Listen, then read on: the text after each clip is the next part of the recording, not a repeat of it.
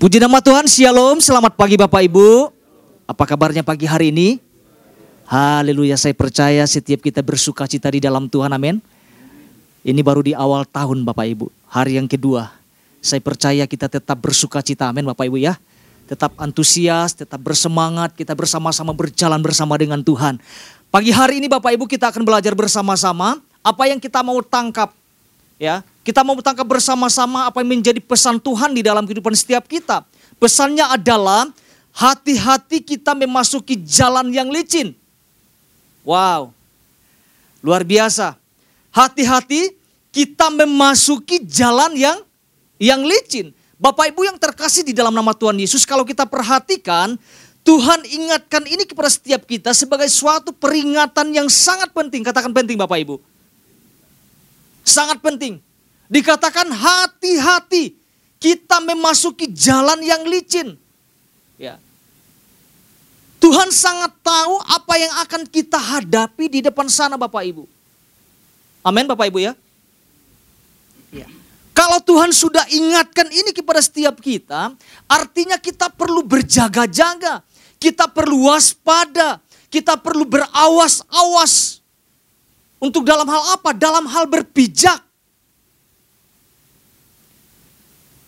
Jangan sampai ada kecerobohan-kecerobohan di dalam kehidupan setiap kita masing-masing.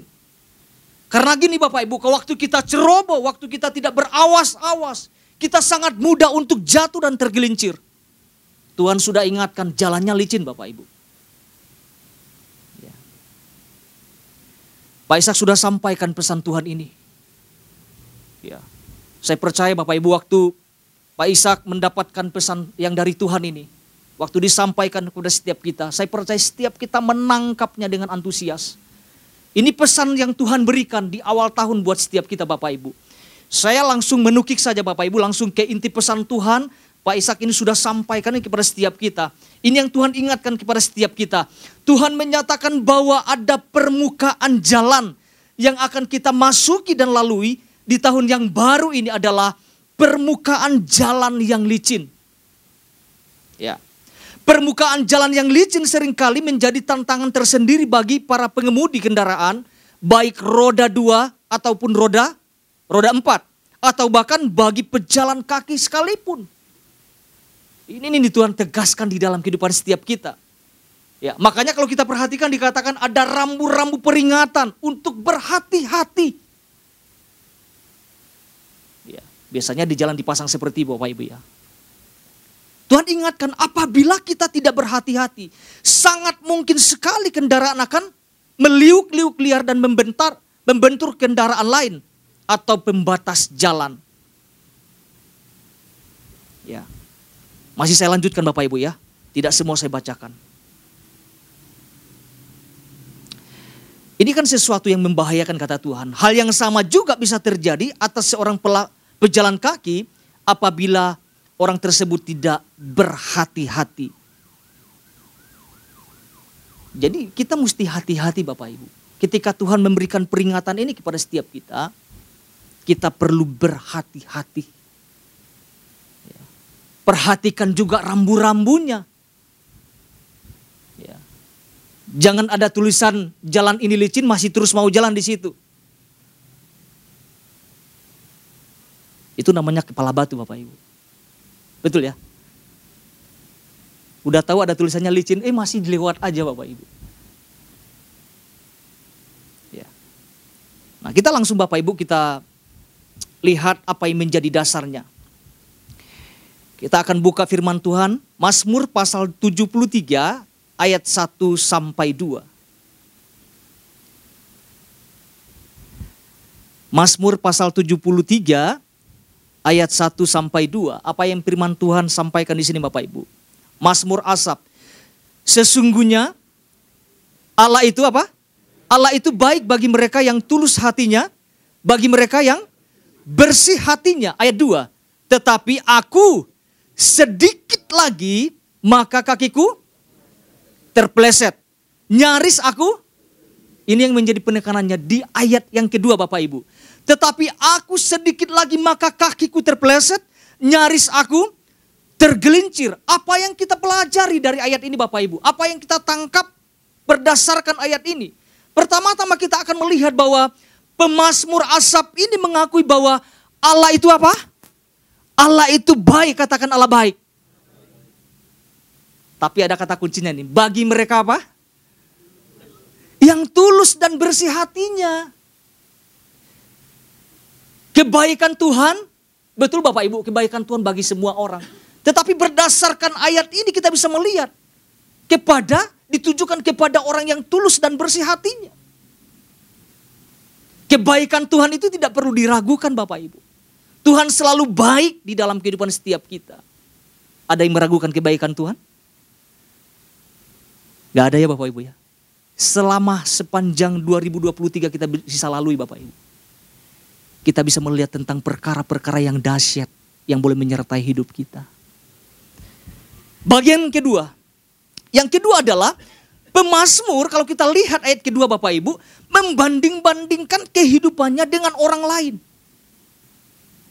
Dengan orang-orang yang tidak sungguh-sungguh di dalam Tuhan. Kita bisa melihat ada keputusasaan, ada keluh kesah, ada kegalauan, kegelisahan yang muncul. Pemazmur asap ini melihat bahwa kok keadaan orang lain orang lain itu lebih baik dari hidupnya. Ya.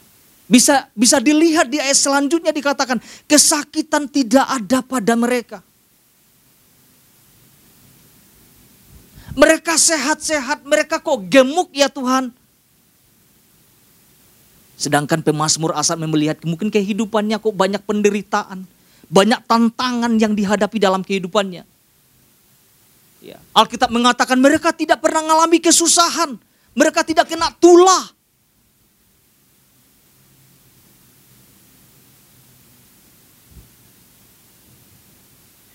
Ya. Tetapi kita bisa melihat, kita bisa belajar.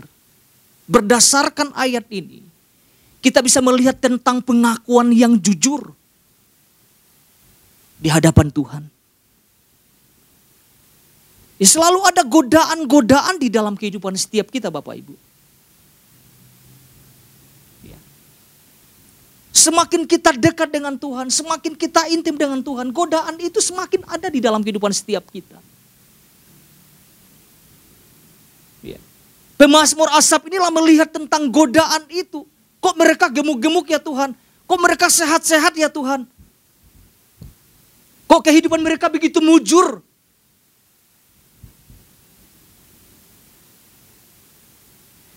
Alkitab katakan hampir tergelincir.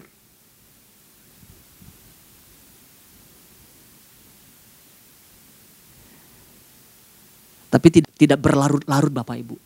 Pemasmur asap ini cepat sadar. Dia menyadari tentang keadaannya. Bahwa kehidupannya jauh lebih baik daripada orang-orang yang dia lihat. Yang kelihatannya gemuk, yang kelihatannya sehat, yang kelihatannya oke-oke saja.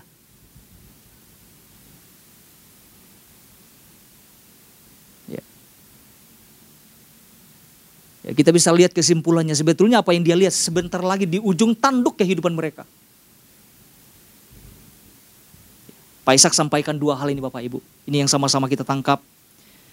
Dua hal yang disampaikan Pak Ishak berdasarkan pesan Tuhan dalam kehidupan setiap kita. Yang pertama, ini yang Pak Ishak sampaikan. Jangan hanya memiliki Tuhan, namun juga harus terhubung. Nah dengar kata terhubung Bapak Ibu ini harus kita dengarkan, harus kita responi dengan baik. Setiap waktu kita harus terhubung dengan Tuhan. Ya. Tapi bukan hanya memiliki Tuhan saja. Terhubung. Yang kedua, jangan hanya tentang kita tetapi tentang Tuhan dan pekerjaannya. Puji Tuhan Bapak Ibu. Pagi hari ini kita akan belajar dua hal juga Bapak Ibu. Kita akan sama-sama tangkap dua hal ini. Dua hal ini saya mesti tambahkan. Yang pertama, jangan menjadi orang percaya yang kendor dalam hal mengiring Tuhan. Nah gini ini yang kita sama-sama tangkap Bapak Ibu. Jangan menjadi orang percaya yang kendor tanda kutip Bapak Ibu ya. Dalam hal mengiring Tuhan. Di dalam Roma pasal 12 ayat 11 mengatakan gini Bapak Ibu. Janganlah hendaknya kerajinanmu kendor, biarlah rohmu menyala-nyala dan layanilah Tuhan. Kalau gini Bapak Ibu, kalau kerajinan seseorang mulai kendor, maka sangat mudah sekali untuk tergelincir dan jatuh. Mengapa Bapak Ibu? Itu pertanyaan. Mengapa?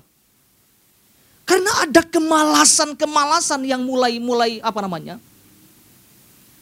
Menguasai kehidupan seseorang. Ya. Sehingga apa? Sehingga tidak memiliki pegangan, sehingga tidak memiliki pijakan yang kuat.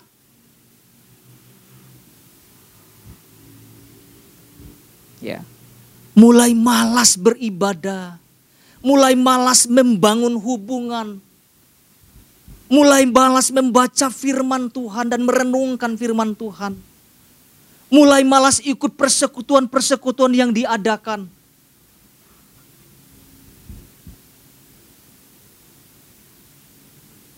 Akhirnya apa? Menjadi jatuh, menjadi kendor dalam kehidupannya. Tidak punya pegangan yang kuat, tidak punya pijakan yang kuat. Apa yang kita pahami tentang arti menjadi kendor Bapak Ibu? Arti kendor. Tidak kencang betul ya. Melorot. Ikatannya biasanya disengajakan terlepas.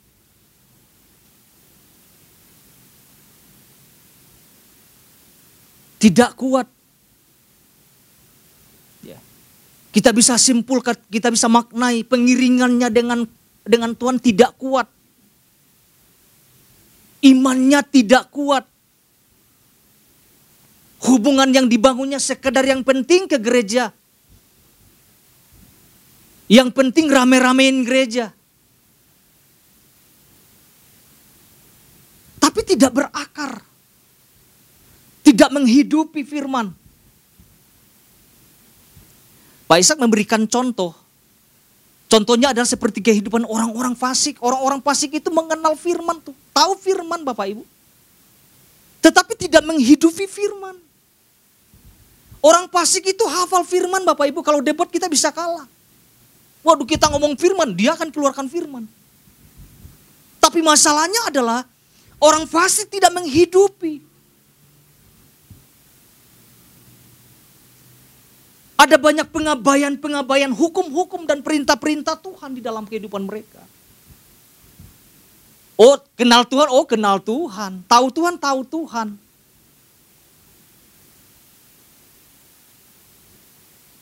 Tapi tidak menghidupi firman.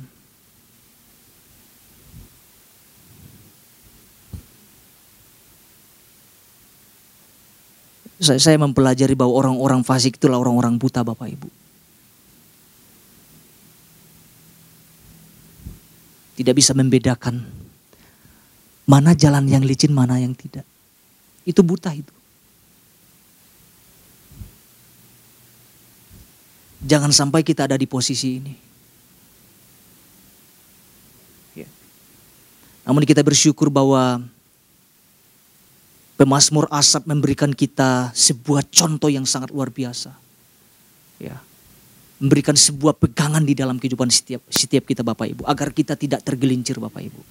Kita bisa lihat di dalam Mazmur pasal 73 ayat 20 23 sampai 25. Mazmur 73 ayat 23 sampai 25. Apa yang pemazmur Asap ini sampaikan? Dikatakan gini, "Tetapi aku tetap di dekatmu. Engkau memegang tangan kananku." Dengan nasihatmu engkau menuntun aku. Dan kemudian engkau mengangkat aku ke dalam kemuliaan. 25. Siapa gerangan ada pada padaku di sorga selain engkau? Selain engkau tidak ada yang kuingini di bumi. Kita akan melihat tiga bagian di sini Bapak Ibu. Apa yang pemazmur asap tekankan di sini? Yang pertama dikatakan gini. Bagian A, tetap dekat dengan Allah apa pun keadaannya. Wow.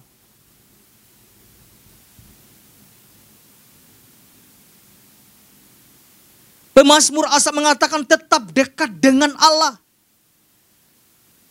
Ya. Pemasmur Asa meletakkan dasar ini bahwa ia mendekat kepada Tuhan. Waktu dia mendekat apa yang firman Tuhan katakan? Alkitab berkata gini, maka tangan Tuhan yang kuat memegangnya. Kalau kalau tangan Tuhan sendiri yang pegang kita Bapak Ibu, saya percaya. Kita tidak akan mudah tergelincir Bapak Ibu. Ya. Biarkan Tuhan yang memegang tangan tangan kita. Dan kita pun memegang tangan Tuhan Bapak Ibu. Dengan cara apa? Hidup dekat dengan Tuhan. Jangan jauh-jauh dari Tuhan Bapak Ibu. Saya sangat percaya bahwa ketika Tuhan berikan pesan ini kepada setiap kita. Tuhan sedang oh, memperingatkan setiap kita dengan keras Bapak Ibu. Tahun-tahun yang akan kita jalani Bapak Ibu, tahun-tahun yang nggak mudah Bapak Ibu. Kita sedang memasuki tahun politik. Kita butuh dekat dengan Tuhan setiap waktu dalam kehidupan setiap kita. Itu yang pemasmur katakan. Yang kedua, yang kedua adalah tetap dalam tuntunan Tuhan atau arahan Tuhan. Ayat 24 kita bisa lihat Bapak Ibu. Dikatakan apa? Dengan nasihatmu engkau menuntun aku.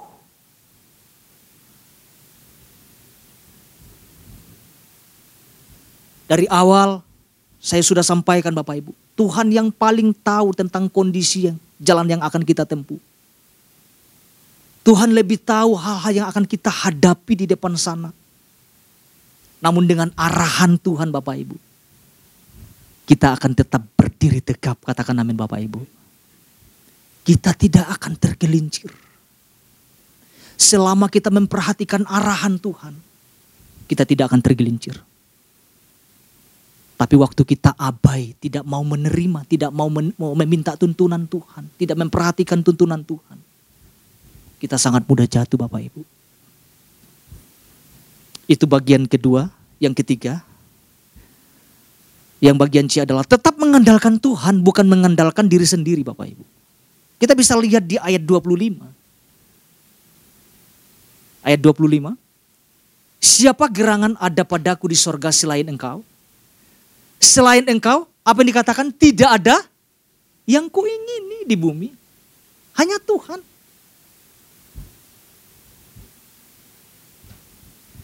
Saya mau sampaikan kita akan mudah tergelincir kalau kita mengandalkan kekuatan kita sendiri.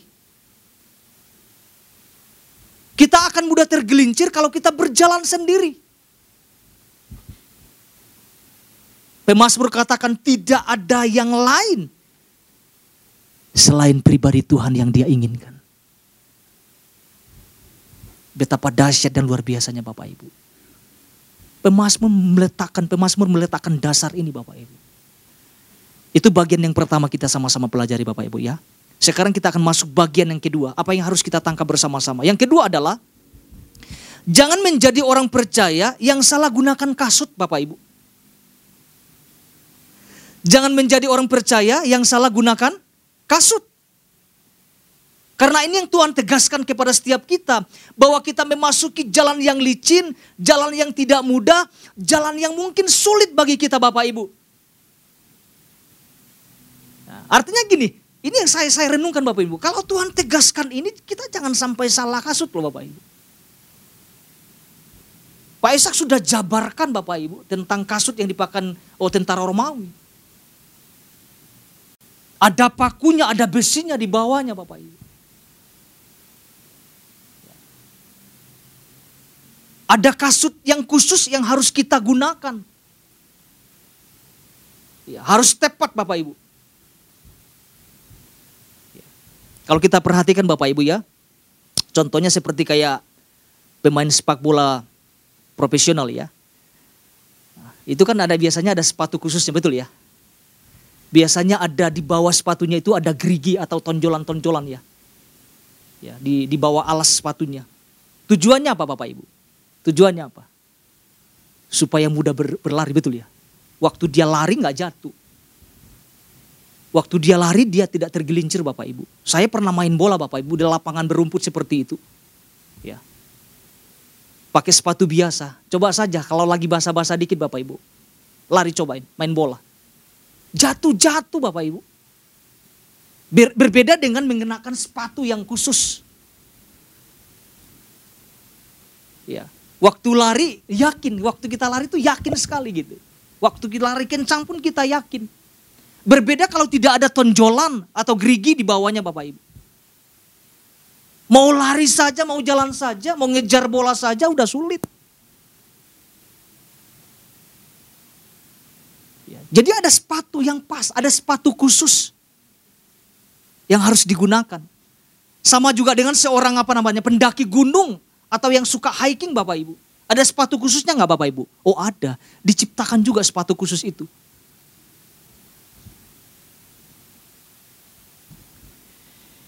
Ya. Ada tujuannya ternyata.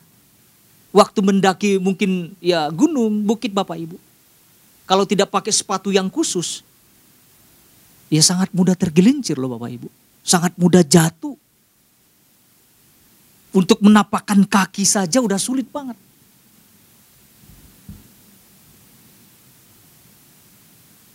Ya.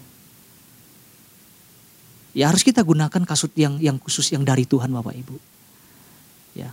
Pak, Pak Ishak sudah singgung tentang di dalam Efesus pasal ayat 15 Bapak Ibu. Efesus 6 ayat 15. Kita mau lihat sama-sama. Apa yang dikatakan di, di sana Bapak Ibu? Kakimu berkasutkan kerelaan untuk memberitakan Injil damai sejahtera. Ada kasut kerelaan loh Bapak Ibu. Yang khusus yang Tuhan berikan di dalam kehidupan setiap kita. Ya. Kasut kerelaan untuk memberitakan Injil Kristus. Ini sesuatu yang yang yang yang Tuhan nyatakan di dalam kehidupan setiap kita. Tuhan tegaskan ini kepada setiap kita Bapak Ibu. Kita kita kembali kepada Mazmur 73 Bapak Ibu. Kita lihat ayat 28. Ini yang dikatakan pemazmur asa Bapak Ibu. Ayat 28-nya ya. Di dalam Mazmur pasal 73. Puji Tuhan. Dikatakan seperti ini. Tetapi aku, aku suka dekat pada Allah. Aku menaruh tempat perlindunganku pada Tuhan Allah. Supaya dapat apa? Menceritakan segala pekerjaannya. Ada pekerjaan Tuhan yang kita mau selesaikan Bapak Ibu. Mari perkuat kaki kita. Jangan asal-asal menggunakan kasut. Kita harus gunakan kasut yang dari Tuhan. Mengapa Bapak Ibu? Ada pekerjaan-pekerjaan Tuhan yang harus kita tuntaskan. Harus kita selesaikan. Di dalam kehidupan setiap kita. Jadi Bapak Ibu saya tidak mau panjang lebarkan Bapak Ibu. Dua hal ini yang sama-sama kita renungkan Bapak Ibu ya. Ya. Jadi yang pertama jangan menjadi orang percaya yang kendor dalam hal mengiring Tuhan. Ya. Kita harus dekat, jangan jauh-jauh kepada Tuhan Bapak Ibu. Yang kedua, jangan menjadi orang percaya yang salah gunakan kasut. Demikian firman Tuhan. Tuhan Yesus memberkati setiap kita.